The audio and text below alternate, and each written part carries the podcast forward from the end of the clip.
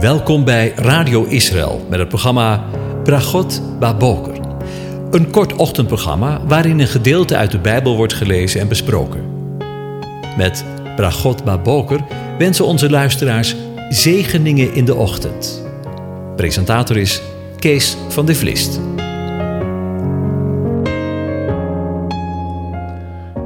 Goedemorgen, beste luisteraars. Vanmorgen gaan we weer verder met Psalm 94 en daarvan lees ik het eerste gedeelte.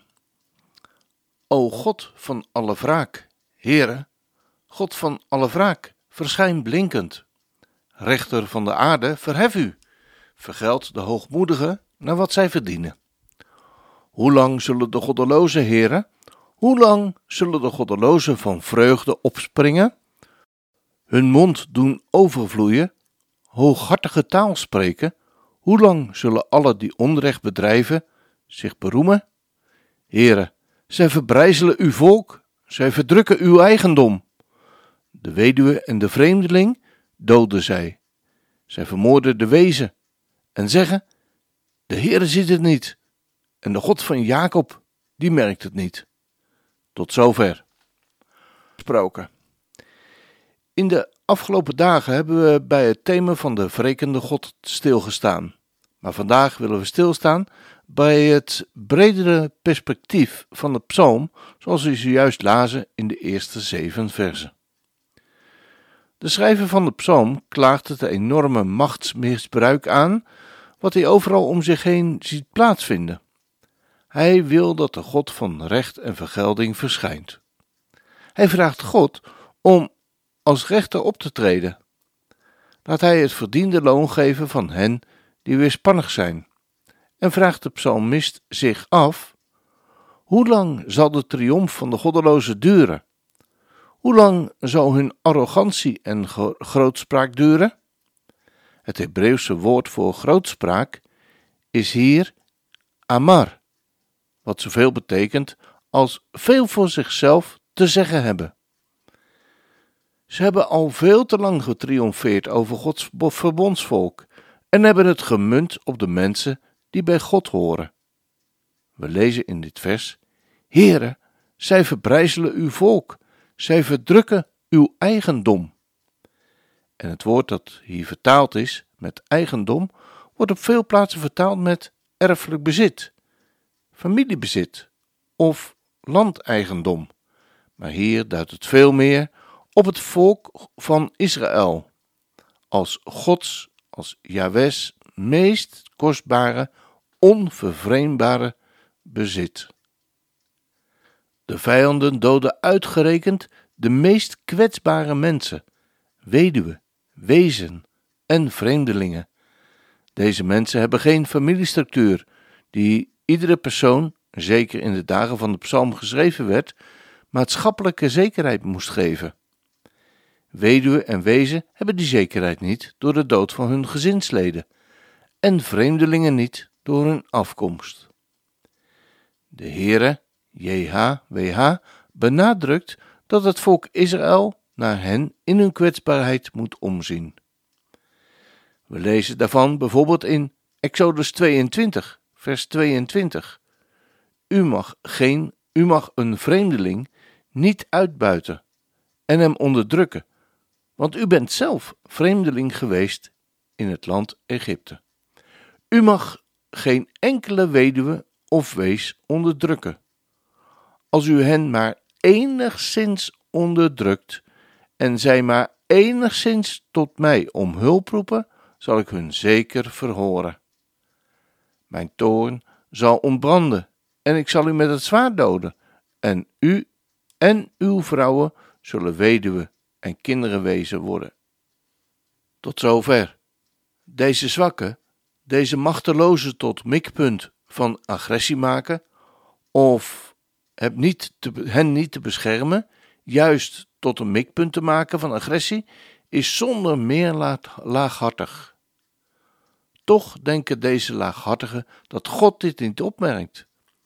Blijkbaar handelen de mensen uit een soort opportunisme en zeggen ze: de Heere, JHWH, houdt er immers toch niet tegen? Maar We hebben met een barmhartig en rechtvaardig God te maken, die voor het zwakke opkomt en hen in bescherming neemt. Luister maar.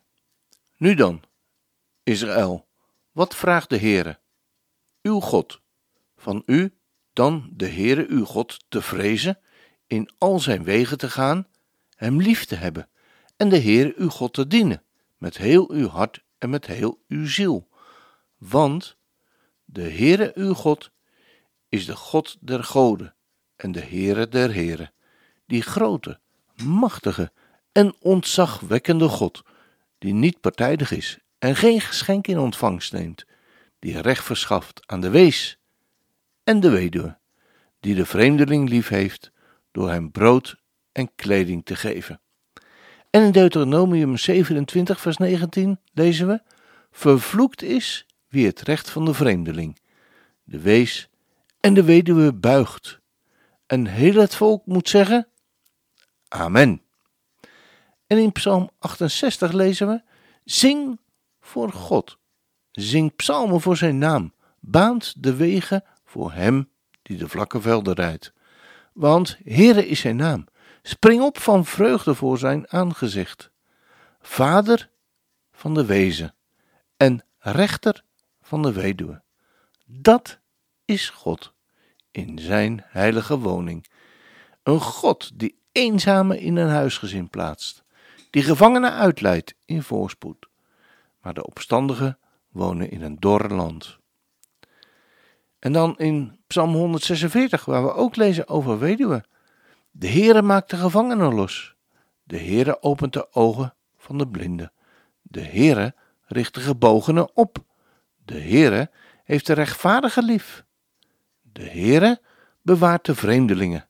Hij houdt de weduwe en de wees staande, maar de weg van de goddeloze maakt die krom. En in Spreuken 15, vers 25, daar lezen we: Het huis van de hoogmoedige, maar de grenssteen van de weduwe, die zet hij vast. En in Jesaja 1, vers 17: Leer goed te doen, zoek het recht, help de verdrukte, doe de weesrecht en bepleit de rechtszaak van de weduwe. En in Jesaja 49, vers 11: Laat uw wezen achter. Ik zal hen in het leven behouden. En laten uw weduwen op mij vertrouwen. En in Matthäus 23, het Tweede Testament. Wee u schriftgeleden en fariseeën, huigelaars, want u eet de huizen van de weduwe op. En voor de schijn bidt u lang. Daarom zult u des te zwaarder oordeel ontvangen.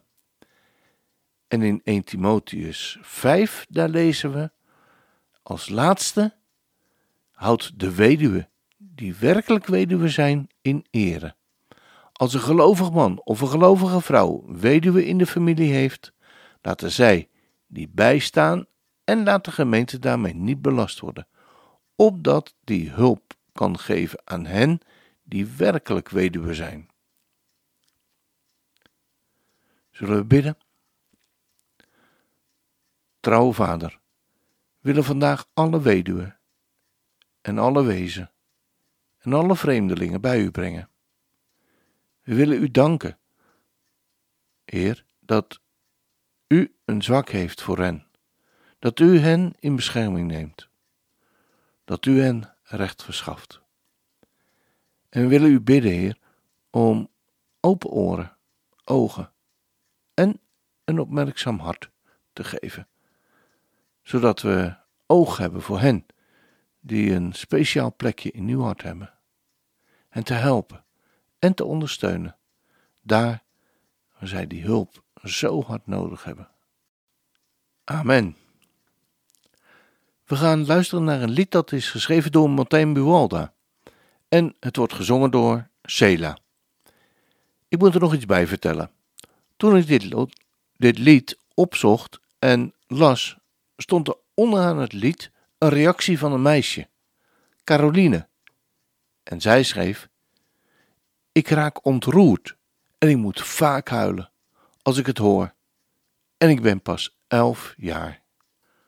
De tekst van het lied luidt: Voor de wezen is hij een vader, voor de weduwe een hoofd van het gezin. Wie eenzaam is, neemt hij op in zijn huis.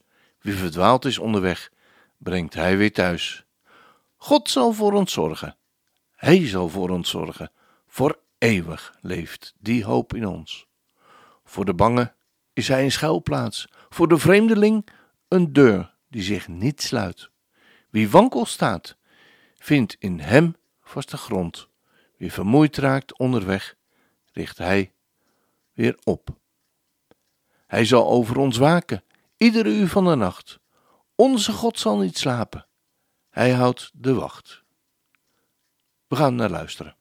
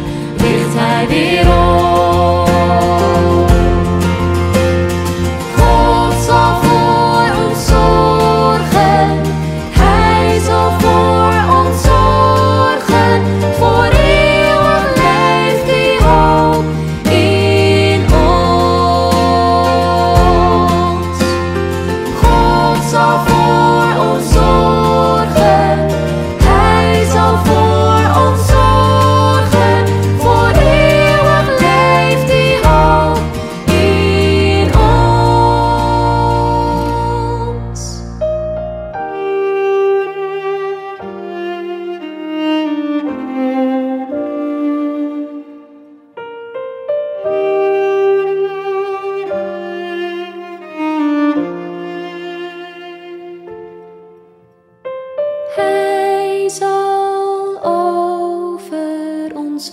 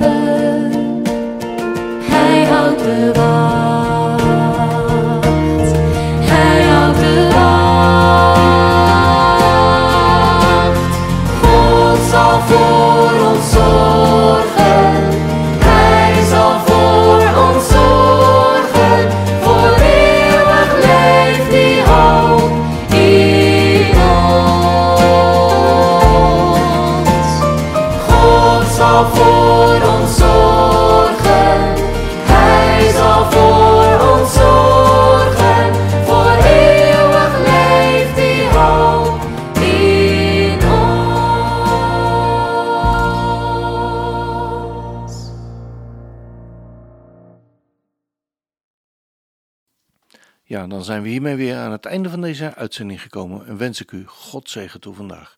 De Heer zegene en hij behoede je. De Heer doet zijn aangezicht over je lichten en zij je genadig. De Heer verheffen zijn aangezicht over je en geeft je zijn vrede. Zijn shalom. Amen.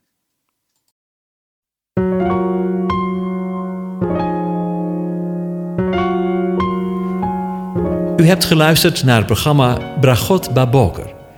Een kort ochtendprogramma waarin een gedeelte uit de Bijbel wordt gelezen en besproken. Wilt u het programma nog eens naluisteren, dan kan dat. Ga naar radioisrael.nl en klik onder het kopje radio op Uitzending gemist.